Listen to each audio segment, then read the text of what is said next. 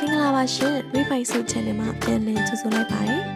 ဒီနေ့တော့ကလေးတို့ကိုဆရာကြီးဝင်းရွှေနောင်ရေးသားထားတဲ့အလိမ္မာပုံမြင်များဆိုတဲ့စာအုပ်ထဲက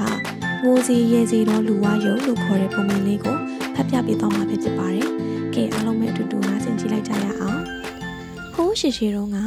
ရွာတရွာလေးမှာမောင်ပုံနာလို့ဆိုတဲ့လူတစ်ယောက်ရှိတယ်သူဟာအင်မတန်မှရိုးသားဖြောက်မှတ်တဲ့သူဖြစ်တယ် တမအာစီဝကြတဲ့အလုပ်မျိုးကိုပဲစိတ်ဝင်စားတယ်။ရက်တကာရော်တကာလှည့်ပြီးအထည်ရောက်တဲ့လုံနဲ့အသက်မွေးဝမ်းကြောင်းပြူတယ်။တနေ့မှအထည်လက်လေရောင်းရင် သူ့တစ်ချိန်တစ်ခါမှမရောက်ဘူးတဲ့ရွာတရွာကိုရောက်သွားတယ်။တရွာလုံးကအဖိုးကြီးအဖွားကြီးတွေပဲနေထိုင်ကြတယ်။လူပြိုအပြိုလူလက်ပိုင်းတွေဆိုလို့တယောက်မှမရှိကြဘူး။အဖိုးဒီရွာကဘာရွာလို့ခေါ်သွားတယ်လဲခမညာ။ လမ်းမှာတောင်ဝေးတစ်ချောင်းနဲ့သွားနေတဲ့အဖိုးအိုတယောက်ကိုမေးလိုက်တဲ့အခါအနိစ္စရွာလို့ခေါ်တယ်ကွအနိစ္စရွာအနိစ္စဆိုတာအမြဲမရှိဘူးပေါ့နော်ဒါဆိုရင်ဒီရွာလေးဟာတရားတော်နဲ့မှဲ့ထားတဲ့နာမည်ပေါ့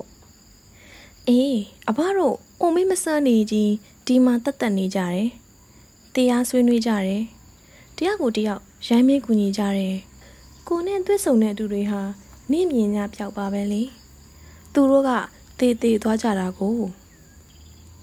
အဖိုးအဖွားတွေဟာတက်ကြီးရွယ်အိုတွေဆိုတော့တယောက်မှရင်မောကြတာမတွေ့ရဘူးတရားပဲမှတ်နေကြတယ်ထင်ပါရဲ့ဟုတ်တယ်တိတ်ရလုံးရင်မကောင်းဘူးအကြီးတန်းနဲ့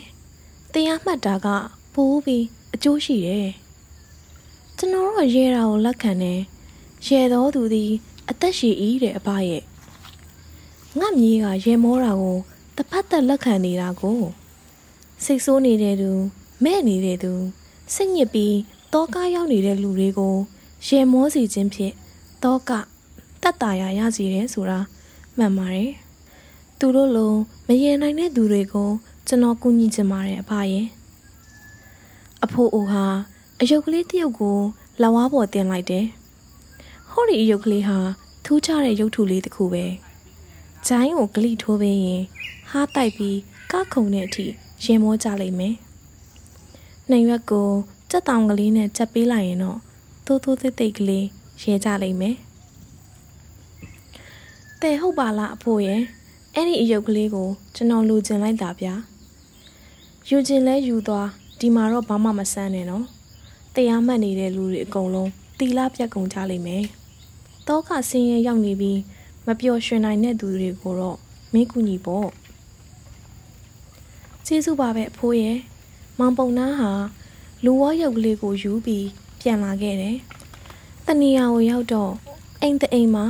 မှိုင်တွင်းနေတဲ့လူတယောက်ကိုတွေ့လိုက်ရတယ်သူ့ဘေးမှာလည်းလူသုံးလေးယောက်ကိုတွေ့လိုက်ရတယ်ဟိုလူကစိတ်တော်ကတခုခုရောက်ပြီးမှိုင်တွင်းနေတာထင်ပါရဲ့။ကဲသူပျော်သွားအောင်ငါလုံးလိုက်အောင်မယ်။ မှဝနဟာလူဝရုပ်လေးရဲ့ကျိုင်းကိုဂလိထိုးပေးလိုက်တယ်ဆိုရင်ပဲရည်စူးပြီးအပြုတ်ခံလိုက်ရတဲ့အဲ့လူစီကိုပြစ်မှတ်ရောက်သွားခဲ့တယ်။စောစောကမှိုင်နေတဲ့သူဟာချက်ချင်မဲ့နေရာကထကလိုက်ပြီးတဟားဟာနဲ့ရင်မောလိုက်တယ်။နောက်တော့အာပါတရနဲ့ကခုန်နေပါတော့တယ်။ရခမသေးလို့ပြောတယ်။အမွေတွေရတော့မယ်။တာနဲ့တာနဲ့ပြောင်းသူဟာကိုင်းနေအောင်ကပါတော့တယ်။ မနာတမ်းကနေတဲ့သူ့ကိုအနားမှာထိုင်နေတဲ့သူတွေဟာတိတ်ပြီးအံ့အားသင့်သွားခဲ့တာပေါ့ဒီလိုဘလို့ဖြစ်တာပါလေစောစောကတော့ရောက်ခမနောက်ကိုသူ့ပဲလိုက်တော့တော့မလို့မှိုင်းနေတယ်အခုအမွေတွေရတော့မယ်ဆိုပြီးထကနေတယ်စိတ်မှမှန်နေရလားအဲ့ချိန်မှာမိမသားတယောက်ဟာအခန်းထဲကထွက်လာပြီး